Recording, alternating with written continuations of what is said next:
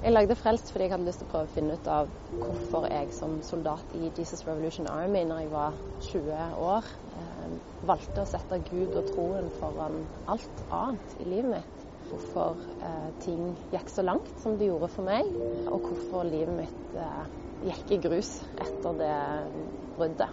Og så hadde jeg lyst til å snakke med andre som eh, også lever sånn at troen er det viktigste av alt i, eh, i livet deres, for å se om det kunne hjelpe meg å, å forstå. De var litt søte, da. Tenk at de holder seg varm i Ja. denne kulda. Med disse fjærene. Hvor de fryser.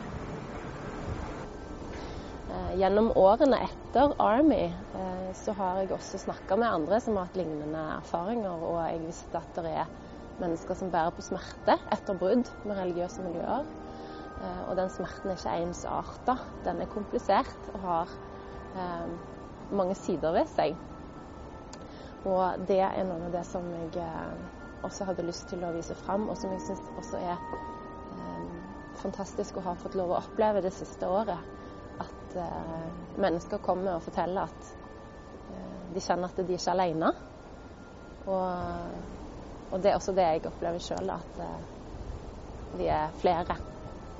Og det hjelper å snakke om det.